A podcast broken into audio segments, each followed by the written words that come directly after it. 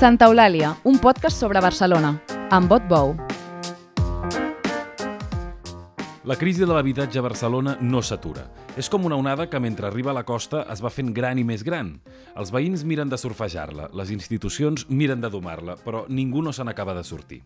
El lloguer i la compra cada dia són més cars i la demanda cada dia és més alta. Avui en parlem amb l'economista Carme Trilla, una de les principals expertes del país en la matèria. Va ser secretària d'Habitatge de la Generalitat entre 2004 i 2011 i avui presideix l'Observatori Metropolità de l'Habitatge de Barcelona i la Fundació Habitat 3, gestora de més de 800 habitatges socials. Amb Trilla parlem avui per analitzar bé els orígens del problema, però també per rumiar-hi solucions. Tot seguit, a Santa Eulàlia. Carme Trilla és economista i presidenta de la Fundació Habitat 3. Carme Trilla, benvinguda a Santa Eulàlia. Hola, bon dia. És un goig tenir-la aquí. Avui volíem, uh, volíem tractar una qüestió una mica complexa. Comencem una mica per la fotografia, pel diagnòstic, uh, que és la, el de la crisi de l'habitatge de Barcelona. Ha, el, el, segons l'informe anual de preus d'Idealista, durant el 2022 el preu del lloguer a Barcelona va créixer un 25,2%, això vol dir 19,3 euros per metre quadrat, i de fet va ser, va ser un, un creixement molt exponencial a final d'any, en, l'últim trimestre i en l'últim mes de l'any, al desembre, el creixement va ser molt, realment molt exagerat. Uh, aquesta, aquest, aquest disparament dels preus, vostè a què l'atribueix? Bé, el, el primer que diríem és que els preus dels portals immobiliaris són més, a vegades reflecteixen més els preus d'oferta que els preus que finalment queden en els contractes que es dipositen en l'Incasol. Eh? I aquests, els preus d'aquests contractes són menors o són... són normalment són una, lleugerament menors que els preus d'oferta, eh? perquè l'oferta acaba doncs, ajustant-se una mica, una mica a la capacitat de la demanda. Però, de fet, la pujada ha sigut una pujada important en els últims anys, va, va frenar eh, una mica durant la pandèmia i durant el confinament, però després s'ha tornat a activar. I això és degut al mateix problema que teníem en el 2017, que és que mm, tenim una demanda molt forta de lloguer, molt forta de lloguer, com mai havíem tingut a la història, i no tenim una capacitat de resposta a aquesta demanda amb quantitats suficients d'habitatges de, de lloguer a la ciutat. Llavors això tensiona els preus, això és així.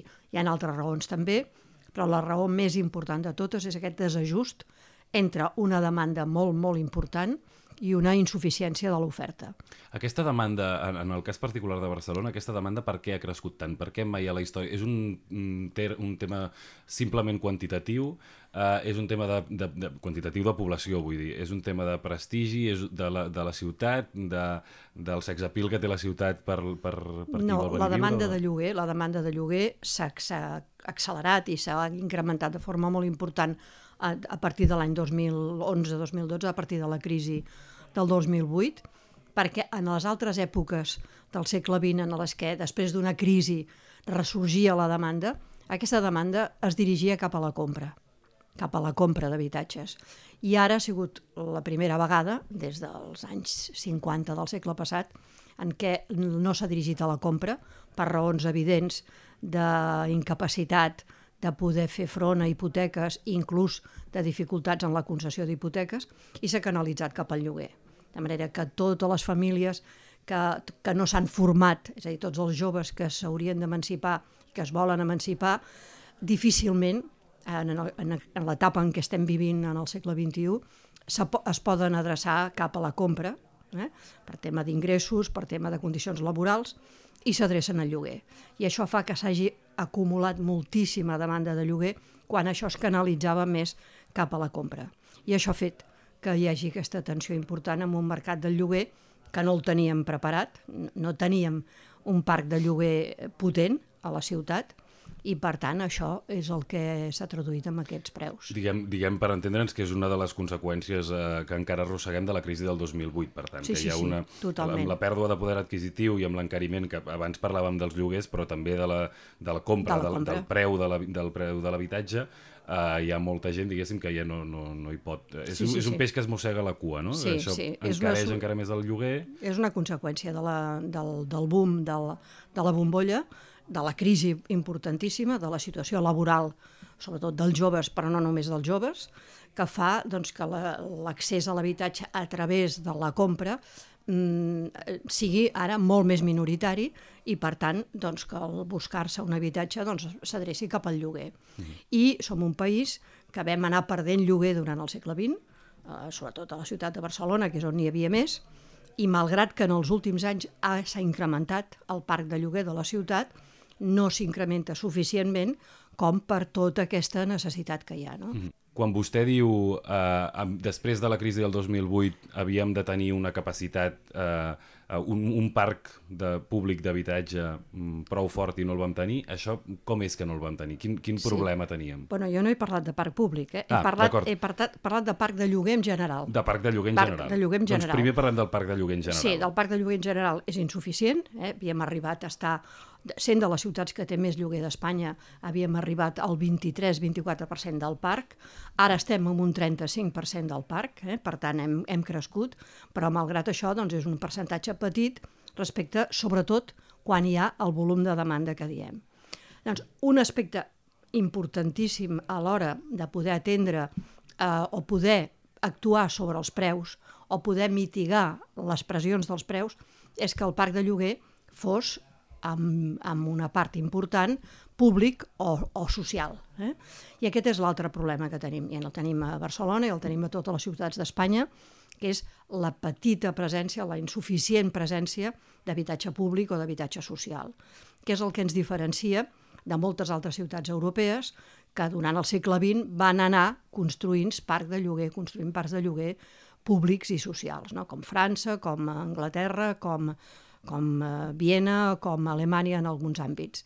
En aquí no va ser així, i el parc de lloguer públic que tenim a Barcelona és d'un 1,6%, un 1,7% del total del parc.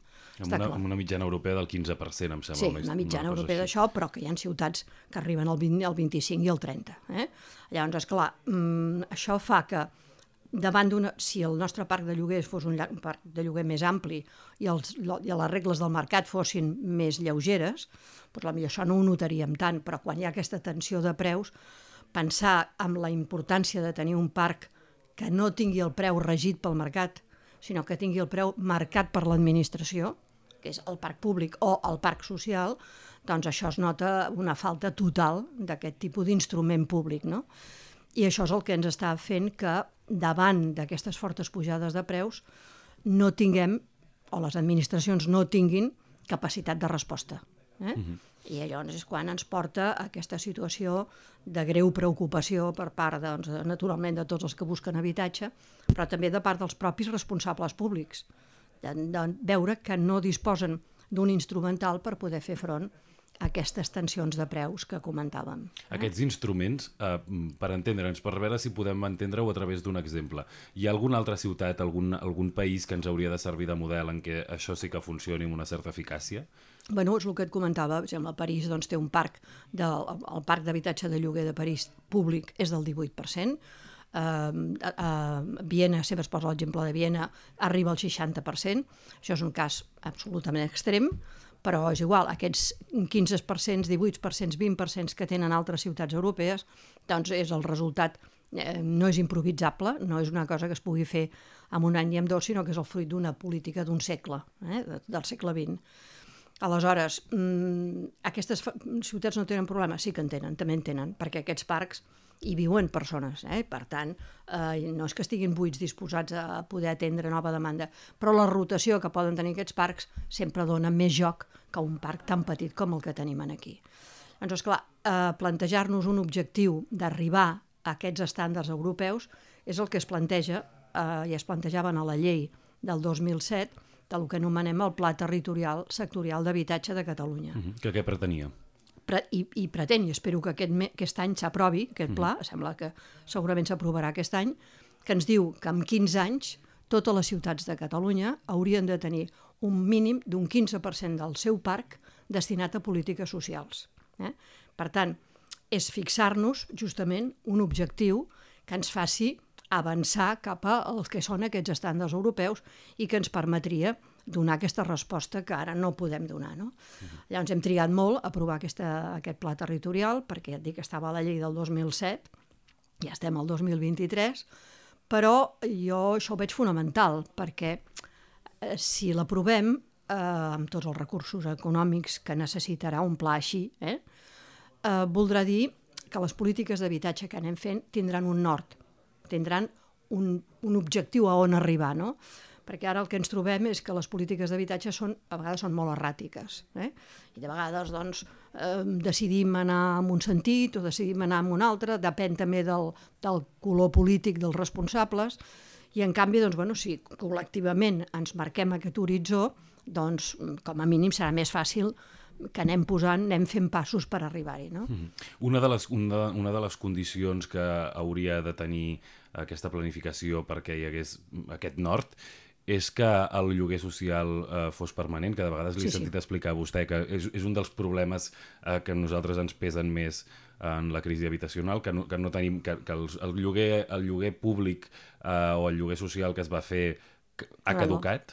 Sí, sí, no només el lloguer, sinó tot l'habitatge protegit, perquè ara hi ha l'exposició aquesta del MUBA a l'Olivertés, aquí a Barcelona, que fa una anàlisi de tot el segle XX a Barcelona de l'habitatge, i en allà bueno, vam fer els càlculs i el nombre d'habitatges que s'han construït, que es van construir a Barcelona durant el segle XX eh, va ser de, entre 250.000 i 300.000 protegits, protegits, eh? no tots de lloguer, la majoria de venda, però tots han acabat en queden poquíssims que es tinguin encara la qualificació de protegits. Doncs mentre estàs protegit, teòricament, no pots vendre a un preu de mercat, has de vendre al preu que et marca l'administració, -huh. i per tant aquesta és la gràcia, és a dir, que tu compres però després no especules amb l'habitatge, sinó que si te'l vens el pot comprar un altre en les mateixes condicions favorables. Això, al passar els anys de qualificació previstos, es descalifiquen i passen a ser habitatges lliures. I actualment doncs, tot aquest parc que es havia construït durant el segle XX doncs, el tenim a, pre a preu de mercat, mm. sigui de compra o sigui de lloguer. Si tinguéssim aquests habitatges que es van construir, pensa que el parc protegit de la ciutat estaria per sobre del 30%, entre el 30 i el 40%. Seria... Estan abans ha dit a, a, un, a un i escaig per cent. 1,6. 1,6. Sí, estaríem entre les ciutats amb més habitatge protegit d'Europa. Però, clar, no és només Barcelona, és tot Espanya, eh, que va tenir aquest sistema d'habitatge que té caducitat en el temps. Mm. Per això ara mm, sembla que hi ha un consens per part de tots els polítics i tots els operadors que els habitatges protegits que es facin en el segle XXI han de ser per sempre, perquè després del XXI segurament vindrà un XXII. I en canvi en el segle XX sembla que no es pensaven que vindria un segle XXII, un segle XXI per tant, eh, sí, les polítiques d'habitatge s'han de pensar en el llarg termini i de forma estructural. Si no, són volàtils i obliguen els polítics a començar de zero cada vegada. I això doncs, cada vegada és més difícil, perquè ara no tenim sol, perquè ara les condicions financeres són molt difícils i per tant no és el mateix fer política d'habitatge en l'any 2023 que el que era en l'any 1923. Eh? No és el mateix. I, eh, per tant, s'han de pensar les polítiques no només en la curta durada, sinó en el mig i el llarg termini. Mm. Això, disculpi la ignorància, vostè parlava ara de l'estat espanyol. Eh, és una cosa que, que passa només a l'estat espanyol, a, a nivell de, de la Unió Europea? Això que, que, que ens la, hagi caducat... La descalificació. El... bueno, a veure, en la Unió Europea, la, com que eren normalment eren parcs públics, la, la durada és més llarga perquè però bueno, també hi ha hagut privatitzacions. Per exemple, a Anglaterra, a partir de l'entrada de Margaret Thatcher l'any l'any 79-80, eh, els parcs públics d'anglesos eren mm, tremendos, eren majoritaris a tots els municipis. I justament es va començar una política de liberalització i de privatització dels parcs públics cap als, cap als propietaris privats. A, a, als Països Baixos ha passat el mateix a finals de segle, eren parcs públics molt importants i el sector públic en, un, en una tendència cap al liberalisme, diguem-ne, més extrem, doncs eh, va anar tendint, i així ho ha fet, a privatitzar el parc públic, per tant fer-lo fer propietaris en els que hi residien, amb el qual ells van estar molt, molt beneficiats per això, però automàticament aquests habitatges van passar a ser de mercat lliure. Clar, no hi ha rotació, eh? com deia vostè abans. I després, bueno, si hi ha rotació, ja és a preu lliure. Clar. I aleshores, és clar, mmm, bueno, doncs, per tant, es redueix la part d'habitatge protegit o d'habitatge sense preu controlat per anar incrementant la part d'habitatge lliure. Eh? I mm. això ha passat, ja dic, a Anglaterra i als Països Baixos de, de forma molt clara. A França no tant, Però en aquí sí, perquè aquí era l'essència de la forma dels habitatges, ja era que tenien data de, de, de, de deixar d'estar qualificats, com es deia, d'estar de, qualificats de protegits. No? Mm. Tota aquesta crisi que vostè ara retratava molt bé, amb molta precisió, deixa nivells de crisi diferents. Uh, Mirem-los, anem-los a mirar un per un.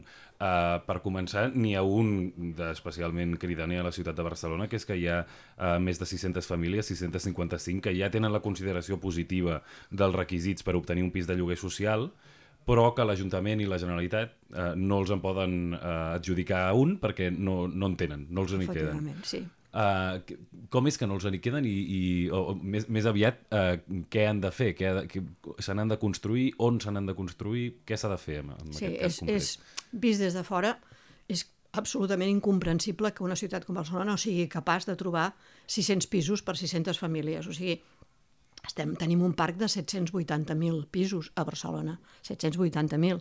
Esclar, 600 mm, hauria de ser un objectiu assolible. Eh? I malgrat això costa molt. Dintre del parc públic és molt difícil perquè és un parc molt petit i a més la gent hi viu, eh? per tant són pisos que no es buiden fàcilment. Llavors l'Ajuntament el que va fer ja des dels anys eh, 2014 mm, és eh, unes polítiques de buscar pisos en el parc privat perquè els privats els lloguin a l'Ajuntament o a entitats socials, com per exemple Habitat 3, i llavors aquests pisos es destinen a les famílies en situació d'emergència. Pues clar, això vol dir aconseguir convenis i acords amb els propietaris privats perquè cedeixin aquests pisos, perquè lloguin aquests pisos. Aquests programes han funcionat molt bé, eh, tenim més de, a la vora de 400 o 500 pisos en aquesta situació, però mm, bueno, és tota una tasca doncs, que caldria difondre-la més i, per tant, buscar pisos de forma immediata en el parc privat. Això hauria de ser un objectiu, mm, diguem-ne, prioritari, no? Perquè aquestes famílies són les que estan qualificades que tenen dret a un habitatge perquè estan a la mesa d'emergències.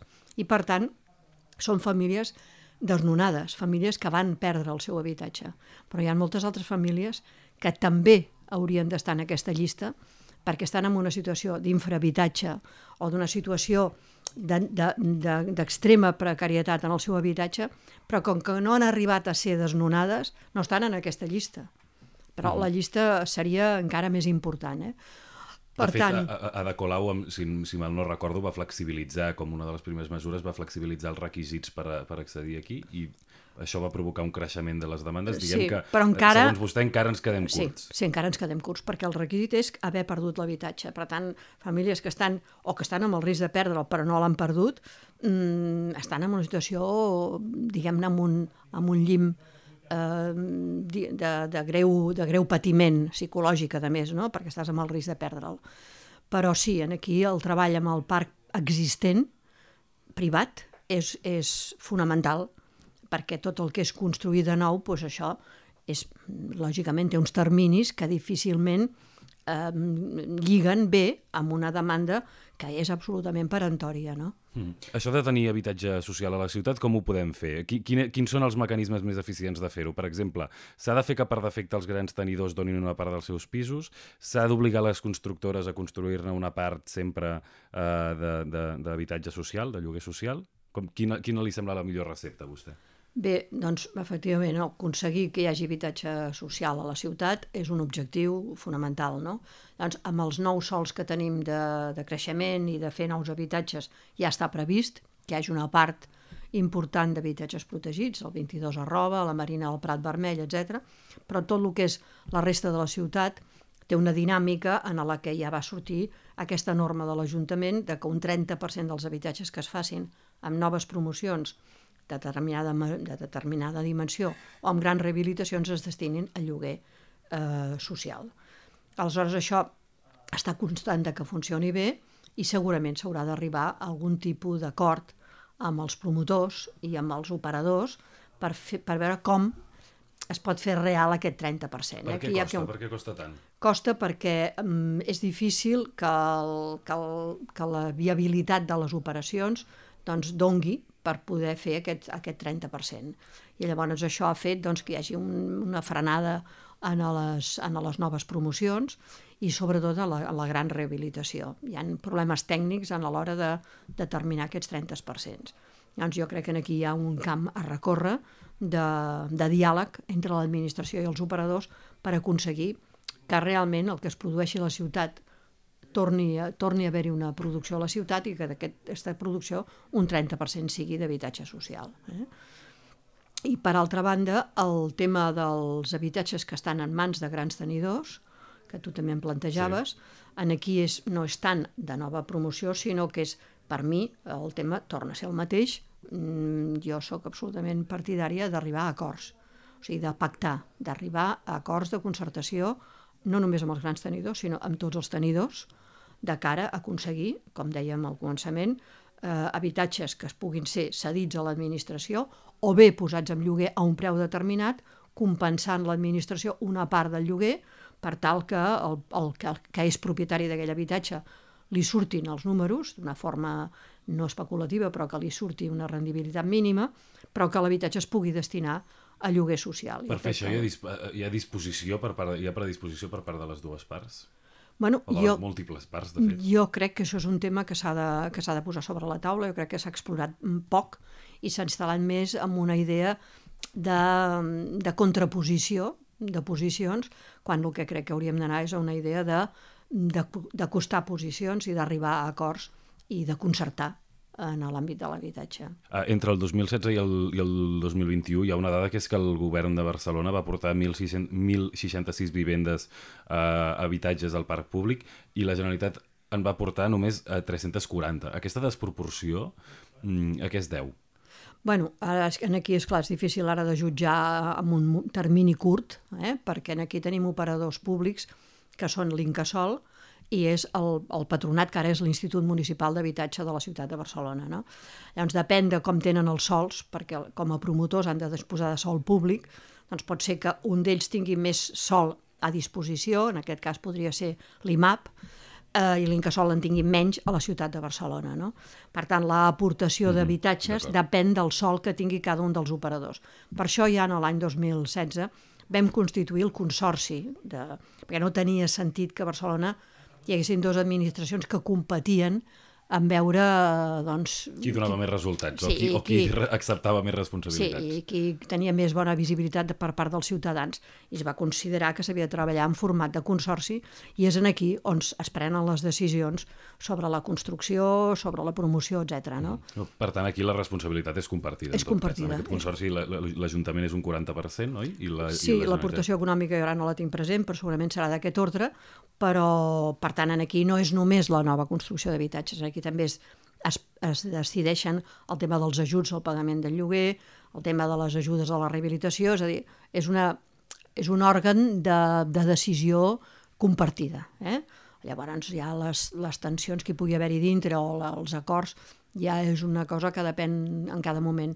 Però precisament eh, el que no tenia massa sentit és, és crear una guerra entre administracions dintre la, dintre la ciutat de Barcelona, que més la ciutadania mm, això ni poca cosa... Sí, més aviat, més aviat eh, no ho pot entendre, eh? perquè si és una administració pública, doncs és l'administració pública.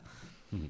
Un altre dels nivells d'aquesta crisi que potser ens ajudarà a entendre per què la Generalitat i l'Ajuntament no troben pisos per a aquestes 655 famílies és que n'hi ha molts Uh, sobretot en els últims eh, 10 anys, corregeixi'm si m'equivoco, però que, que s'han reconvertit en pisos de lloguer turístic perquè hi ha propietaris que consideren uh, que és una, una manera de, de, de guanyar diners més, més fàcil i més, uh, i més assegurada en el temps, no? perquè mentre Barcelona uh, vagi sent un reclam turístic, doncs la rotació és més freqüent, els preus es van disparant i això, novament, és un peix que es mossega la cua.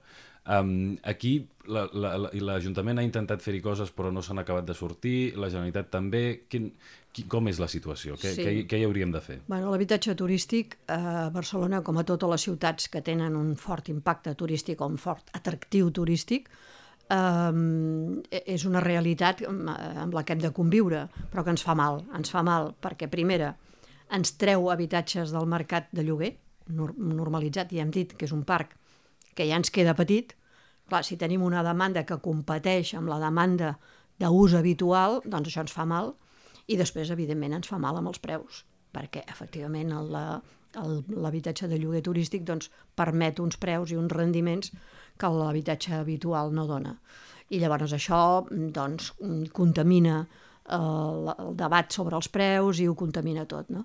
Però jo veig difícil mm, solucionar aquest tema, excepte amb les fórmules doncs, que s'han seguit a la ciutat de Barcelona, que és la de limitar eh, per zones el nombre de llicències, donar llicències, controlar les llicències i acotar eh, el nombre de pisos que es poden tenir sota aquest paraigües, diguem-ne, del, del lloguer turístic, no?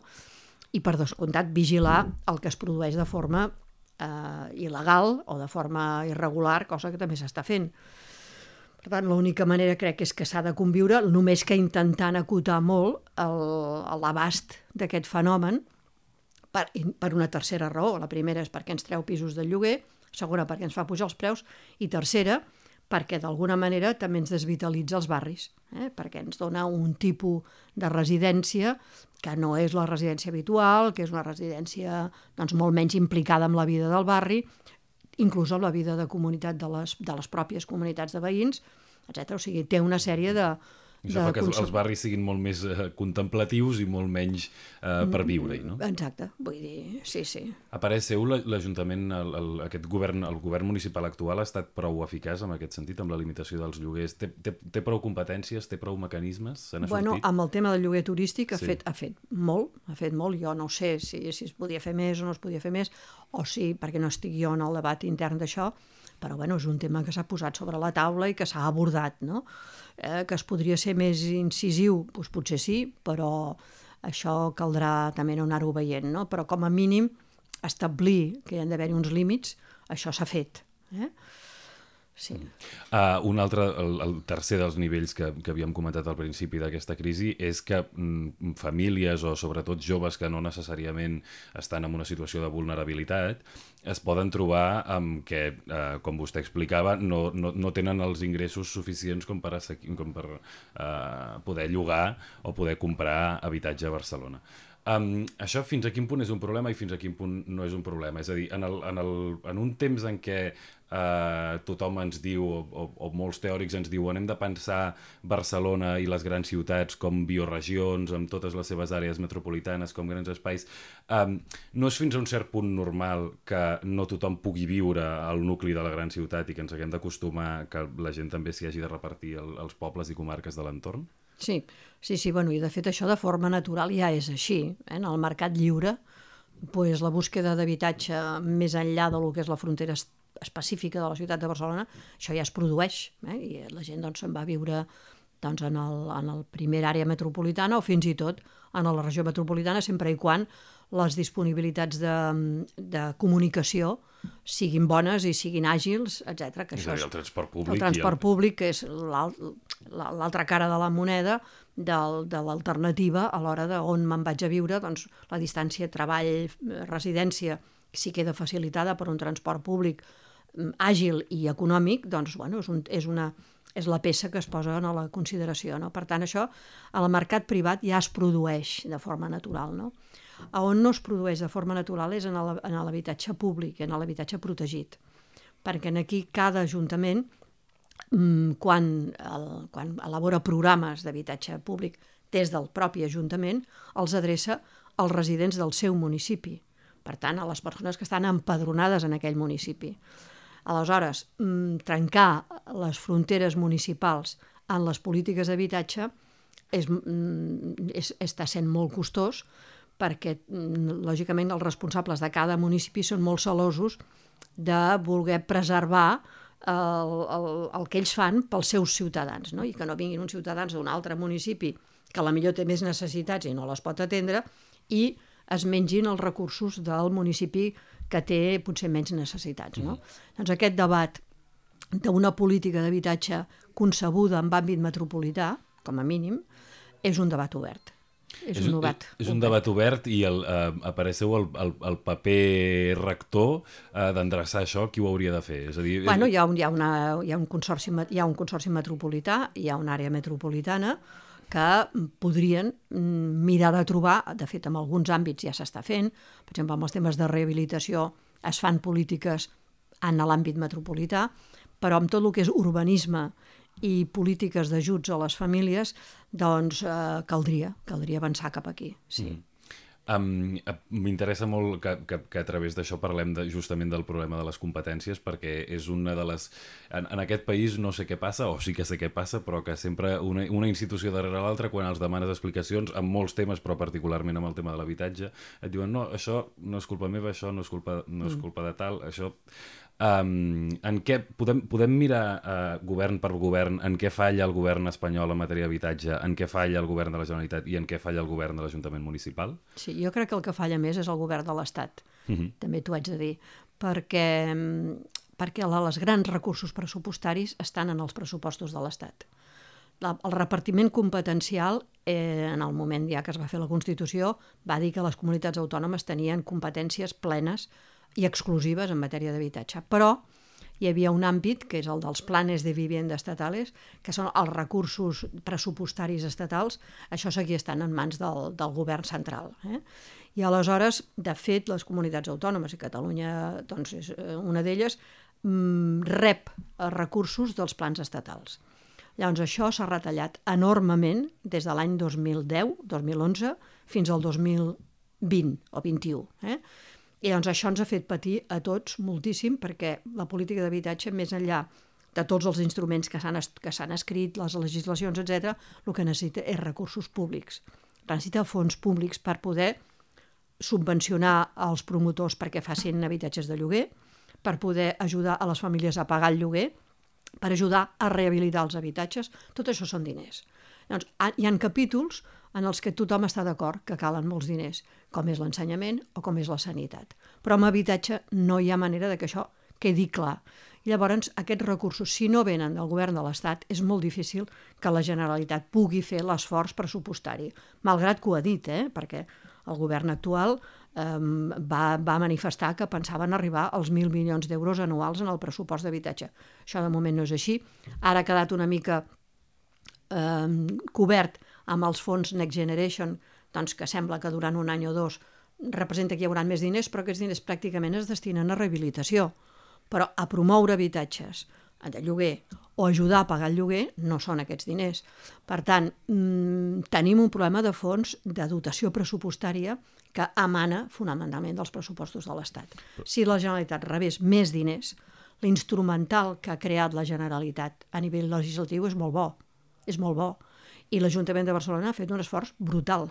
Però tots patim, la, la criatura pateix del mateix, no de, no de legislació, sinó de recursos pressupostaris. Però per ha un problema també que, la, que aquestes competències eh, o aquest marc legislatiu que ha intentat crear el govern de la Generalitat i el govern municipal barceloní es converteixen en paper mullat perquè no hi ha diners per aplicar-los Sí, és això, més o menys? Sí, bueno, un paper mullat del tot no, perquè hi ha moltes, eh, molt, moltes eines que no són estrictament pressupostàries, però evidentment els hi falta, els hi falta la benzina necessària per poder-ho fer. Uh -huh. I, I hi ha també un problema, suposo que no només de diners, sinó també de, de, de sobirania, no? perquè el, el 10 mm. de març del 2022, per exemple, la llei que havia aprovat el Parlament de Catalunya per limitar el preu dels lloguers, el Tribunal Constitucional espanyol la va tombar. Sí, i no és l'única, perquè ha, portat, ha tombat bastantes lleis de les que s'han aprovat a Catalunya. Abans no era així, no, no eren recorregudes, però ara ho són, i en el moment que són recorregudes doncs tenim un problema, no? Aleshores, els àmbits competencials amb habitatge, ja hem dit que eren de la Generalitat, bueno, de les comunitats autònomes, però hi ha alguns àmbits que segueixen sent estatals, per exemple, tot el tema de regulació dels lloguers. Llavors, aquí és on tenim un problema que caldrà, eh, caldrà que es resolgui mm, de qui pot dictaminar si s'han d'establir algun tipus de, de controls en el mercat del lloguer, per exemple. No? Mm. Sí, hi ha unes competències que encara estan en àmbit estatal i que llavors in, interfereixen amb les competències d'habitatge. I en el, en el cas de la Generalitat i l'Ajuntament de Barcelona, què podrien fer millor? Bueno, coordinar-se millor Aquí sí que és un tema de coordinació i d'entesa. És possible, eh? Això és possible. Vull dir, perquè, perquè hi ha hagut èpoques en què hi ha hagut coordinació. O sigui, és intentar fer baixar precisament, eh, bueno, ser com, o sigui, partir de la base de que, de que la preocupació és mútua. O sigui, que no n'hi ha un que, que s'arrepenja i que no es preocupa. No, que la preocupació és mútua i que, per tant, cal treballar conjuntament. Aquí veig més, més aquest tema d'entesa que un tema de, de, de, de dotació pressupostària, que també hi és, però que tota, ja dic, emana molt de la, de la que no arriba de l'Estat. I vol dir que probablement si es posessin d'acord Generalitat i Ajuntament seria... Hi hauria, hi hauria més eh, força a l'hora d'exigir de, de, en sí, aquestes partides pressupostàries. Sí, sí, bueno, ja, ja es fa, no?, perquè cadascú ja ho fa, però sí, però sí, és clar, com més junts es va, doncs sempre es té més força. Molt bé, doncs Carme Trilla, moltíssimes gràcies per venir a parlar amb nosaltres. Gràcies a vosaltres. Recordeu que podeu fer-nos arribar els vostres comentaris i suggeriments a l'adreça de correu electrònic santaeulàlia.vilaweb.cat. Fins aviat, moltes gràcies. Santa Eulàlia és un podcast de VilaWeb presentat per Otbou amb Carles Garcia al servei tècnic i a les veus Maria Castanyer.